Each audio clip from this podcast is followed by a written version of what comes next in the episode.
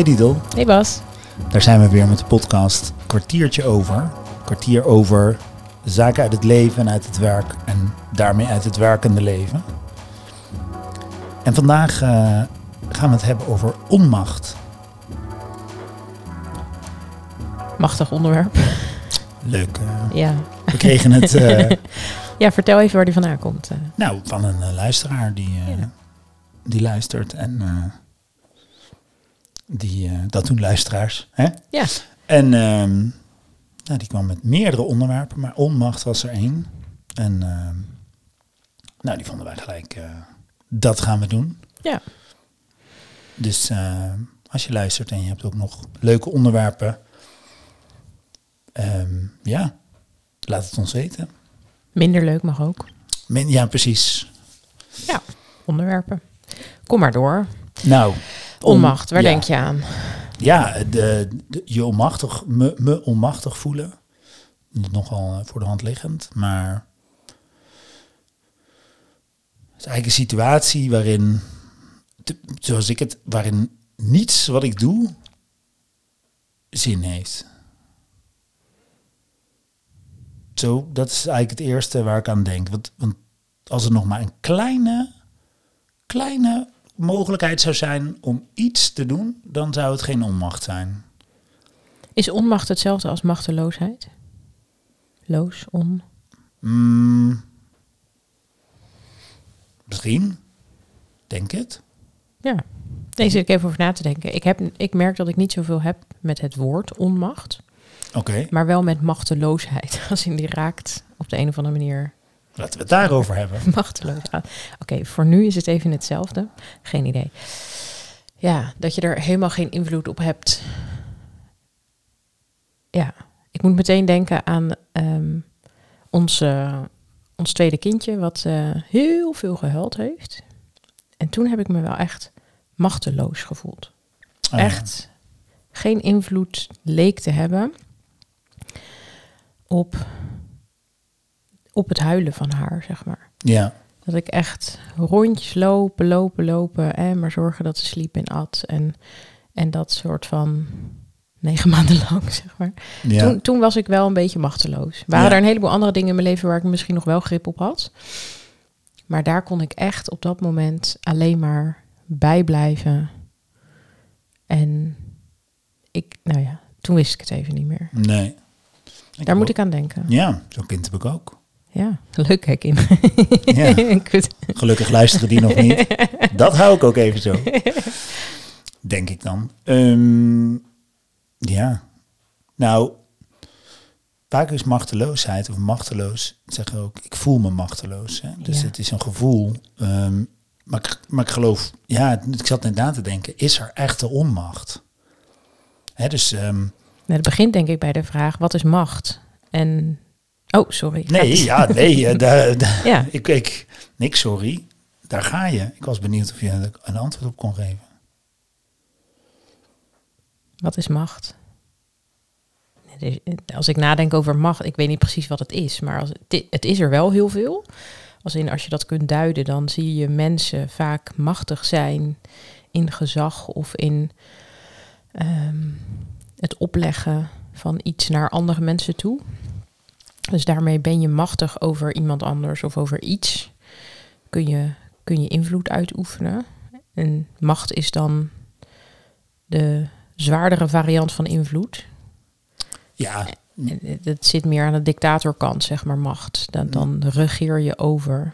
nou ja, op zich, als je ergens een directeur van een bedrijf hebt, heeft die ook macht. Dat zou ik niet per se als een in de kant categorie dictator gelijk willen wegzetten. Nee, Maar ehm, ik moest eventjes aan de grote wereldleiders denken. Misschien moet ik eventjes even ondertitelen ja. waar, ik vandaan kom. Ja, mooie insteek. ja, Nou ja, kijk, macht, je, je hebt het in bedrijven ook wel over de institutionele macht. Hè? Dus dan heb je ook dat je, eigenlijk spreek je dan af wie de baas is. Want, Ja. want, want het is ook maar een afspraak.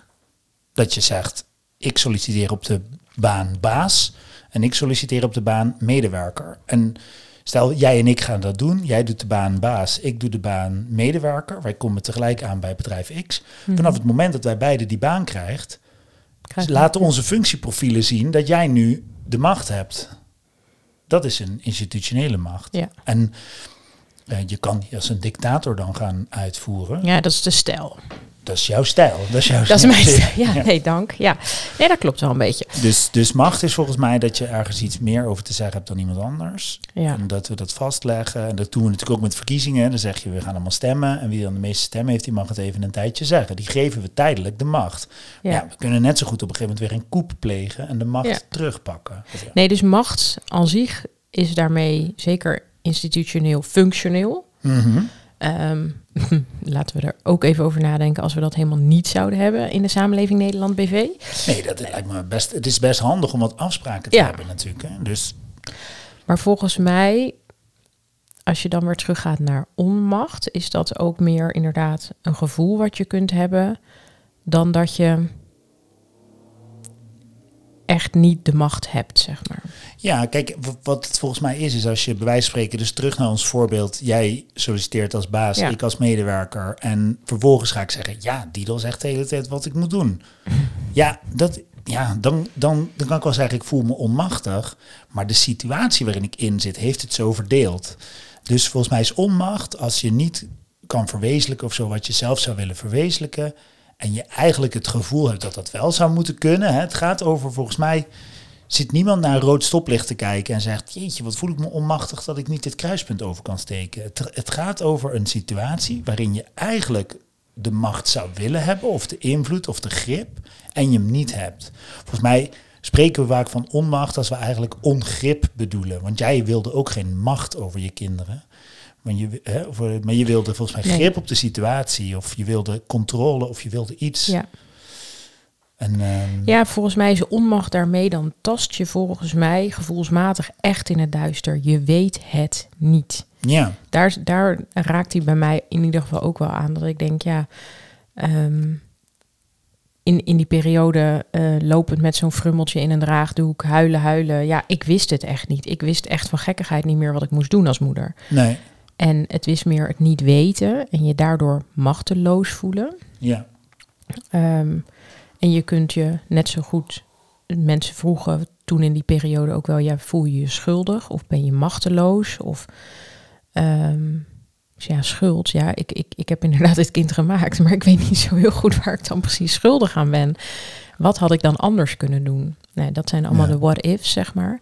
Maar in onmacht, in de, in de functionele vorm, inderdaad, in het voorbeeld wat je geeft van medewerker-baas, daarmee is die afgesproken. En dan heb je je volgens mij te voegen naar de regels die er zijn. ja. En dan kun je inderdaad wel gaan, gaan bokken van en ik wil meer, maar dan moet je de baas worden. Maar je kunt je, je kunt je onmachtig gevoel wel hebben als dat de enige baan is die je, die je eventjes voorhanden hebt. En je hebt het inkomen heel hard nodig. Dus je kunt, je kunt voor je gevoel die baan niet opzeggen. Dan kun je in onmacht eh, raken. Dan kun je je machteloos voelen naar de situatie toe. En volgens mij komt dat dan omdat je nergens inderdaad meer regelruimte hebt. Geen grip, die invloed is er Ja. niet. Ja, geef er een woord aan. En Ja. dat zal voor de een, net zoals dat onmacht bij mij niet echt resoneert. Maar dat is maar net wat je, nou ja, welk woord daarbij aansluit. Ehm, maar, Ja. en, en het is misschien een beetje een gekke vraag, maar hoe lang duurt onmacht dan? Of hoe raak je daar weer uit? Of Ja, nou ja, nogmaals, deze onmacht, dus dat gevoel van grip of invloed, hè, kan het ook zelf hebben, dat ik zelf zie van, of ik zie even geen perspectief in, in iets, of ik zit klem in een project en ik denk, oh, ik heb echt geen idee.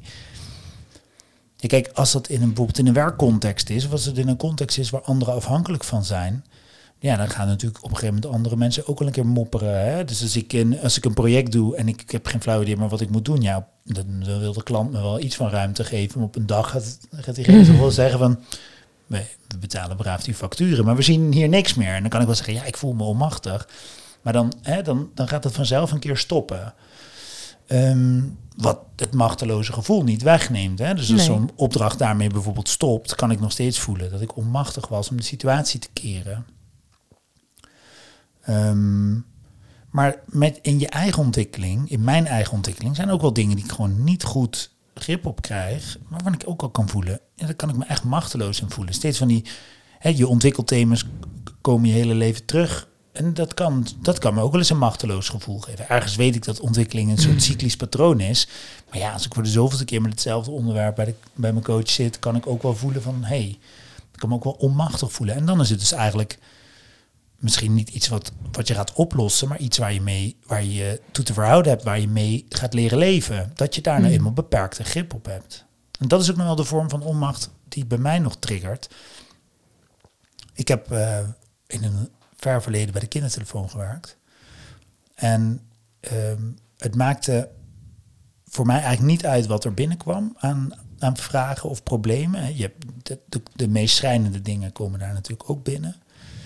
Bij alles voelde ik een mate van invloed of macht, als je het zo, hoe je het wil noemen, op in ieder geval een fijn gesprek of Hmm. zoiets. Hè. Of in ieder geval een stapje. Is vaak dacht ik, hè, als je thuis iets heel naars meemaakt, misschien heb je wel duizend stappen nodig om daar ooit in je leven uit te komen. En dit is er één. En dan Ja. dacht ik nog altijd, nou, een duizendste is in ieder geval een stap waar ik even aan heb kunnen bijdragen als, eh, als, als eh, vrijwilliger bij de kindertelefoon. Maar wanneer ik me onmachtig voelde, is als iemand. Ik heb een paar keer een telefoongesprek gehad met iemand die eh, terminaal was, Hmm. een kind. En dat, dan, daar kon ik gewoon niet. Die zijn blijven hangen. Hmm. En niet dat ik andere dingen minder erg vind hoor, dat is het helemaal niet.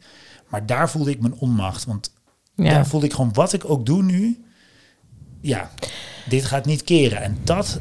En dan kan je nog steeds zeggen, ja, maar dat kan nog wel een heel fijn gesprek zijn geweest hè, voor zo iemand. Tuurlijk, dat, dit zal ook wel waarde hebben. Daar gaat het ook niet om. Maar dan voel ik me heel onmachtig. Dus ik kan ook wel voelen, wat ik ook doe, dit ga ik echt niet keren. En dan is het niet, op een gegeven moment niet meer een gevoel van onmacht, maar dan zou ik bijna kunnen voel- voelen, ik ben gewoon onmachtig. Ja, maar ja, goed. Ja, en dan kom je weer, daar moet ik aan denken met dit voorbeeld. Dan, dan raak je aan iets wat gaat over en kun je daar dan bij blijven. Hoe ga je dan, als je in die echte onmacht zit, hoe ben je daar dan mee als mens? En jij doet dat misschien anders dan dat ik dat doe. En dat, ehm, maar dat is volgens mij, want dat het er is, dat is, nou ja, we kunnen zo een paar voorbeelden noemen. Ik denk dat iedereen de, dit gevoel kent in ieder Mhm. geval. Maar hoe ga je er dan mee om? Wat Ja. doe je dan met, die, met dat gevoel en hoe kun je erbij blijven? Of, En daarmee is je vraag, hoe lang duurt onmacht? eh, eh, dus ook een, heeft voor mij een heel breed antwoord. Mhm. Want het kan dus ook iets zijn wat altijd onmachtig zal blijven voelen. ja, Totdat je er misschien echt mee verzoent dat dit is wat het was. En je dat dus een andere plek kunt geven. Dus ik denk dat je er uiteindelijk er zo over hebbend. Dat het heel erg gaat tot hoe je je ertoe verhoudt. En dat dat het gevoel van onmacht op een gegeven moment wegneemt. Ja. Maar in de kleine agenda, zeg maar in de kleine dagdagelijkse onmacht, voel ik wel van, kan het, een, kan het juist een mooi signaal geven. Hè? Als je je onmachtig voelt, Mhm. dan kan je gaan nadenken van, hé, hey, wat, waarom? Waar, zou ik eigenlijk hier grip op moeten hebben? Zo ja, waarom lukt het niet? Wat is er van mij? Wat is er van de situatie? Dan kun je het gaan afpellen. Dus het feit dat je het voelt, is in zichzelf denk ik heel helpend. ja, dat denk ik ook. We maakten, voor de grap zei ik, nou ja, en als de trein dan niet rijdt, ja, dan, dan kan ik me ook machteloos voelen. Want ja, ik had die trein moeten hebben om op tijd op mijn afspraak te komen. Je hebt ook wel eens mensen die dan zeggen, ja, nou ja, schiet mij maar lek, weet je. De, de, de dag gaat niet meer beter worden dan dit. Overmacht wordt het dan genoemd. Ja, Ja. en dat, ehm, en die is, ja, daar, daar kun je niks aan doen. Ehm, en aan een terminaal patiëntje wat belt op de kindertelefoon kun je ook niks meer doen. Nee, dat klopt. Ja. En dat, ehm, dat is het hele rauwe, denk ik, aan machteloosheid. ja. En Ja. dat, eh, Ik denk alleen dat, we, dat, dat, dat het in sommige gevallen goed is om te. Dat, dat, dat- ik denk dat het nou trouwens in alle gevallen even goed is om te erkennen dat je het voelt. Want Ja. ik denk dat heel veel mensen zichzelf overschreeuwen dat ze vanuit een bepaalde functie zich niet onmachtig mogen voelen. En ik denk dat je dan eigenlijk nog verder van huis bent. Dus als je het. als je het wegzet, Ja, dat het er echt niet mag zijn. ja. En, en dat je Mm. zegt, ik kan dit niet accepteren. Ja, dat, dat klopt. Eh, dat, dat is ook prima dat je ervoor gaat staan. Maar, maar het is er wel. Het is wel een onmachtige situatie. Ik denk dat dat om er, eh, dat het heel helpend kan zijn om daar doorheen te komen op zo'n manier.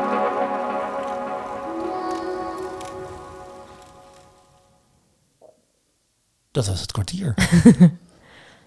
ik ben er stil van. Nou, Ik ken, ik ken op zich het concept, maar. Nou, waar zijn we geëindigd? Ik vind het echt wel een interessant thema. En vooral ook om na te denken, inderdaad. Hoe doe je dat zelf als je als je, je machteloos voelt? Wat doe je ermee? Wat kun je ermee op dat moment? Inderdaad, dat afpellen wat je net aangeeft. En ook om er gewoon even mee te zijn. Misschien als, dat, als je dat doet, dan appt het ook misschien wel weer sneller weg. Sommige dingen, heel veel dingen in het leven, heb je gewoon echt geen invloed op. En sommige dingen kun je weglachen of bedenken, ja, shit happens. Weet je, die trein die rijdt net voor mijn neus weg. Nou ja, komt wel goed, weet je. En andere thema's, die zijn gewoon echt heel verdrietig en heel rauw. En dat, eh, ja, is ook het leven. En niet dat het daarmee makkelijker wordt, maar het is. Ja, ja ik, ik denk zelf nog wel na over het feit, als ik onmacht voel, wilde ik dus eigenlijk macht hebben.